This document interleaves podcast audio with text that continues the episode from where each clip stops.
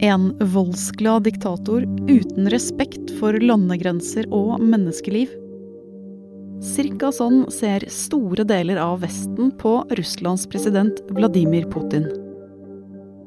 I den polske hovedstaden Warszawa sa USAs president Joe Biden dette på lørdag. For God's sake, this man cannot remain in power. Og så å si alle tenker jo det Biden sa, at Putin ikke kan bli sittende ved makta. Og hvor går grensa for hva verden kan si og gjøre for Ukraina nå? Du hører på Forklart. Jeg heter Marte Spurkland. I dag er det onsdag 30. mars.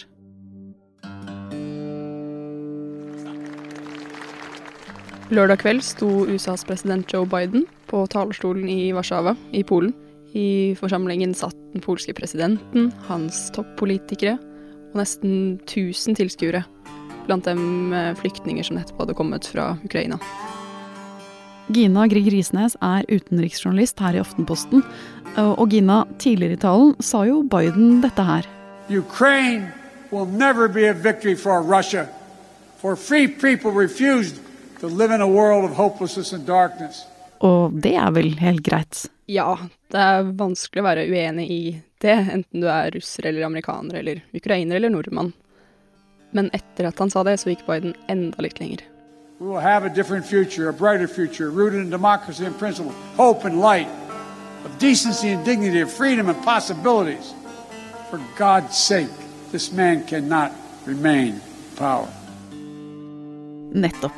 Eh, og det er jo ikke kjempevanskelig å være enig i det her heller. Eh, I hvert fall ikke for oss i den vestlige verden. Nei, men det er én ting å tenke det, og helt annet å si det.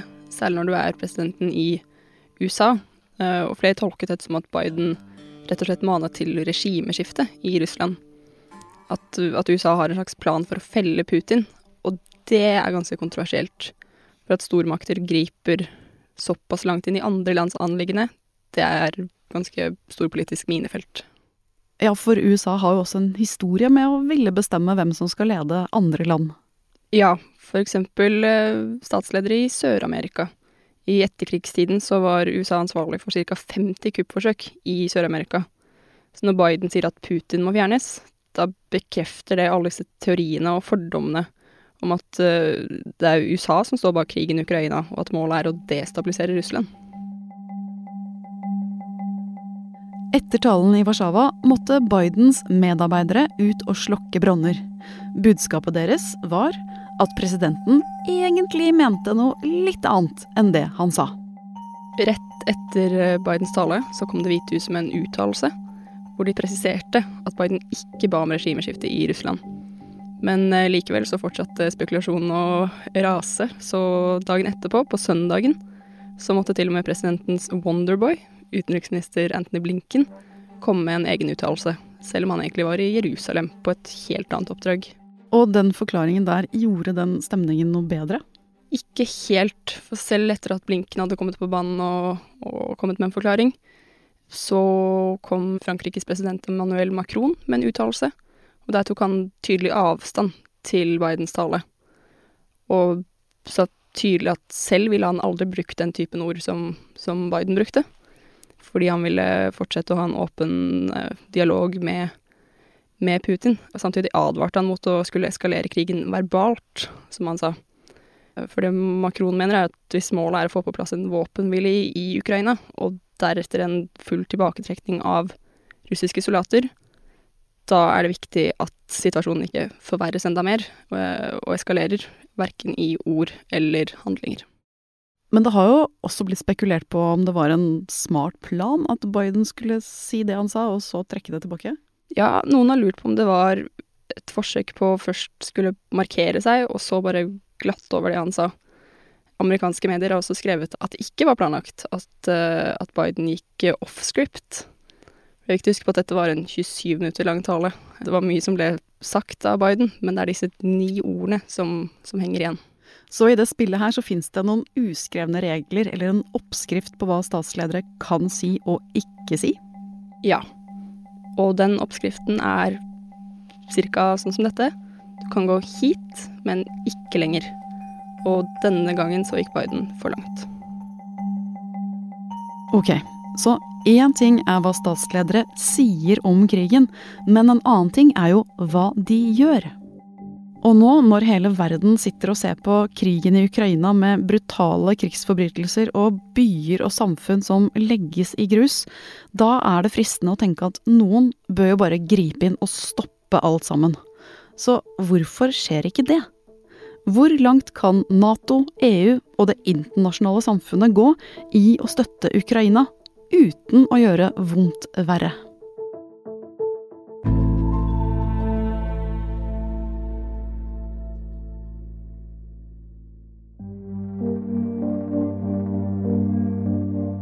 Det er jo en brutal krigføring som foregår på europeisk territorium nå. Vi ser befolkningen i Mariupol bli nødt til å slakte løshunder og spise dem for ikke å sulte i hjel. Så så grusomme bilder må man vel omtrent tilbake til beleiringen av Stalingrad i andre verdenskrig for å finne.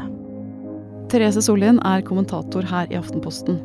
Og Therese, når vi får disse triste rapportene fra krigssonen i Ukraina, det er jo da vi skulle ønske at noen bare kunne rykke inn og si nei, nå holder det. Hvorfor gjør ikke verdenssamfunnet det?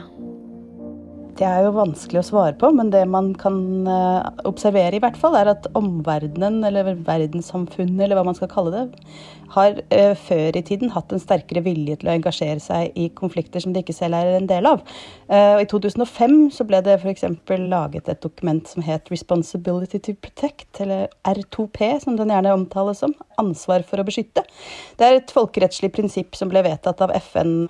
Bakgrunnen for det var Kosovo-krigen, for den ble så stygg at man måtte gjøre noe. R2P-prinsippet sier altså at det internasjonale samfunnet har et ansvar for å ivareta menneskerettighetene til befolkningen i et land, hvis landets myndigheter ikke gjør det. Og i tilfelle Ukraina så er det jo en annen stat, nemlig Russland, som truer befolkningen. Men som en jusprofessor skrev her i Aftenposten for litt siden, så blir dilemmaet for verdenssamfunnet det samme. Altså, skal man gripe inn militært for å beskytte sivile i Ukraina, eller skal man det ikke? Erfaringene fra andre militære inngrep, eller intervensjoner, er ikke så veldig gode. Krigen i Libya var et eksempel på det. Man gikk inn og, og bidro til regimeskiftet, men det ble jo et land som gikk fra å være et mer fungerende land til å være et land i ruiner. Irak-krigen har nok også bidratt til uviljen mot å blande seg opp i hva andre land holder på med, som ble en hengemyr av en krig. Dessuten så må man jo kanskje også si at det er en viss uvilje mot å blande seg i akkurat denne konflikten ikke minst fordi det er Russland som er krigfører. Så verden har ikke noe lyst til å blande seg inn, eller bli blandet inn, altså. I hvert fall ikke helt direkte. Men det har jo likevel kommet noen bidrag fra resten av verden til Ukrainas forsvar? Vesten har bidratt til å ruste opp Ukraina militært. Man har bistått med våpenleveranser, man bistår med defensive våpenleveranser, og man bistår med eh, annen type humanitær støtte. Og I tillegg har man innført de strengeste sanksjonene mot Russland som man har sett eh, i moderne tid. Med andre ord har man gjort så mye som man kan langt på vei, uten selv å blande seg inn i konflikten. Da. Nå skal det sies at den ukrainske presidenten Volodymyr Zelenskyj er ikke fornøyd likevel. Han ønsker seg kraftigere militært skyts. Du kan ikke skyte ned jagerfly med et maskingevær. Det er vanskelig å, å bistå særlig mer uten at konflikten står i fare for å eskalere. Welcome everyone. Siden krigen startet, har Ukrainas president flere ganger holdt taler til forskjellige lands nasjonalforsamlinger og politikere. I dag, onsdag, skal han snakke til det norske Stortinget, og i går snakket han til det danske Folketinget.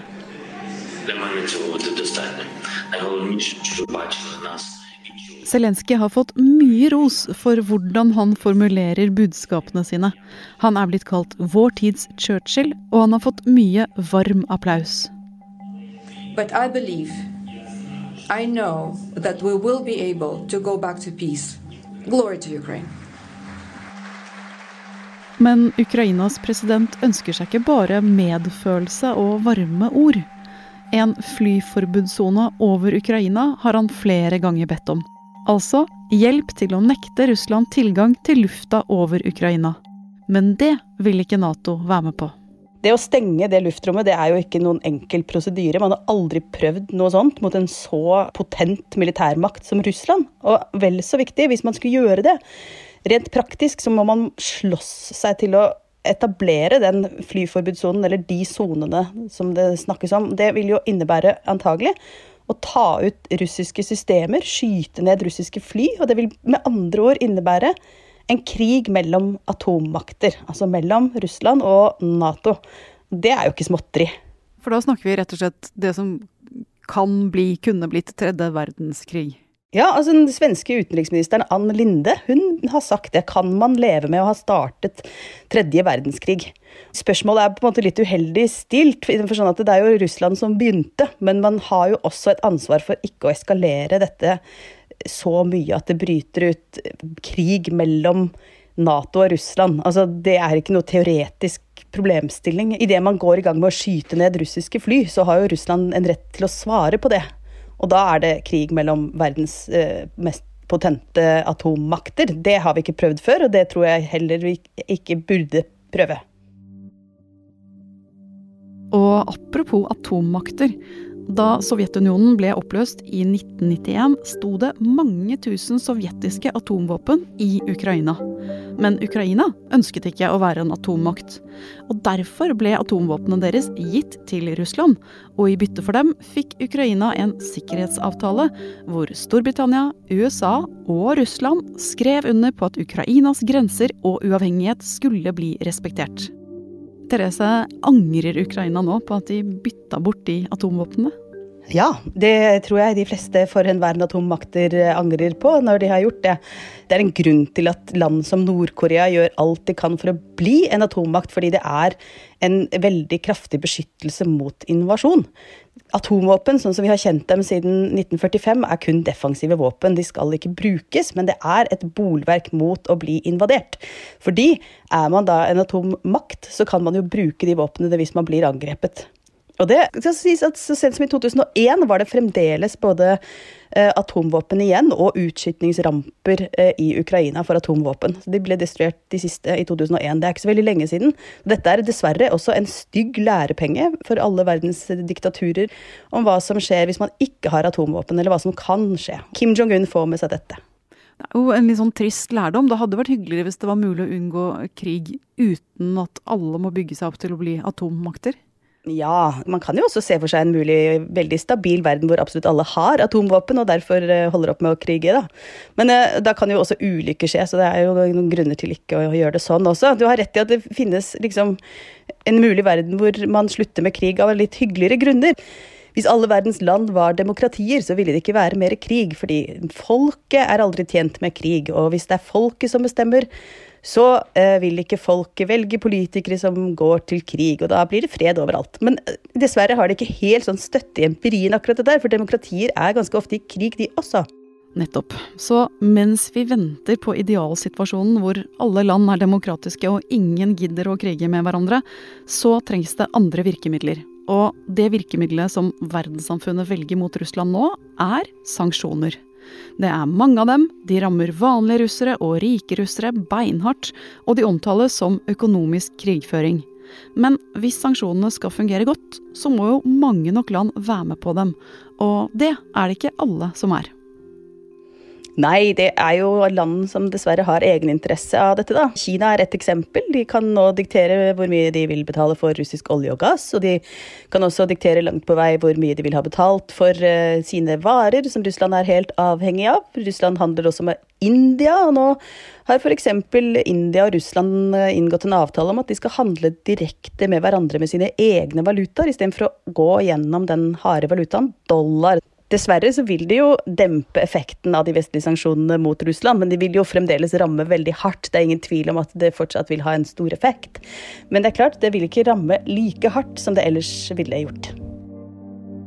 Ok, tilbake da til ukrainsk sivilbefolkning, Therese. De er jo beleiret og mangler mat, eller de må flykte fra hjemlandet sitt. Eller de dør når de forsvarer det. Hva er det beste som kan skje for dem nå? Det man kan i beste fall håpe på, er at den etterretningen som sier at krigføringen går veldig dårlig, stemmer. Altså, det var nok ikke Russlands plan å sette fast stridsvognene sine i den ukrainske gjørma i ukevis og miste 40 000 soldater og måtte trekke seg tilbake fra Kiev og bli utsatt for så sterk motstand som de gjør. Og hvis det stemmer, så kan man jo håpe at de kanskje heller konsentrerer seg mot noen mindre områder i øst. Kanskje blir løsningen at Donetsk og Luhansk og Krim blir russiske vasallstater eller russisk territorium, men at krigen som sådan, i en fullskala invasjon, at den tar slutt. Og hvordan blir forholdet da mellom stormaktene i verden etter denne situasjonen? Det er jo ingen tvil om at dette som foregår i Ukraina, det vil forsure forholdet mellom Russland og Vesten i lang, lang tid. Men jeg håper og tror at den internasjonale verdensorden også er verdifull for land som ikke er like liberale og demokratiske som Vesten. For det er også slik at selv diktaturer tjener på at f.eks. handel foregår på ganske ordnet vis. Ja, Så fred er en fordel for de fleste, veldig enkelt sagt? Jeg tror nok at selv for Vladimir Putin er fred det beste.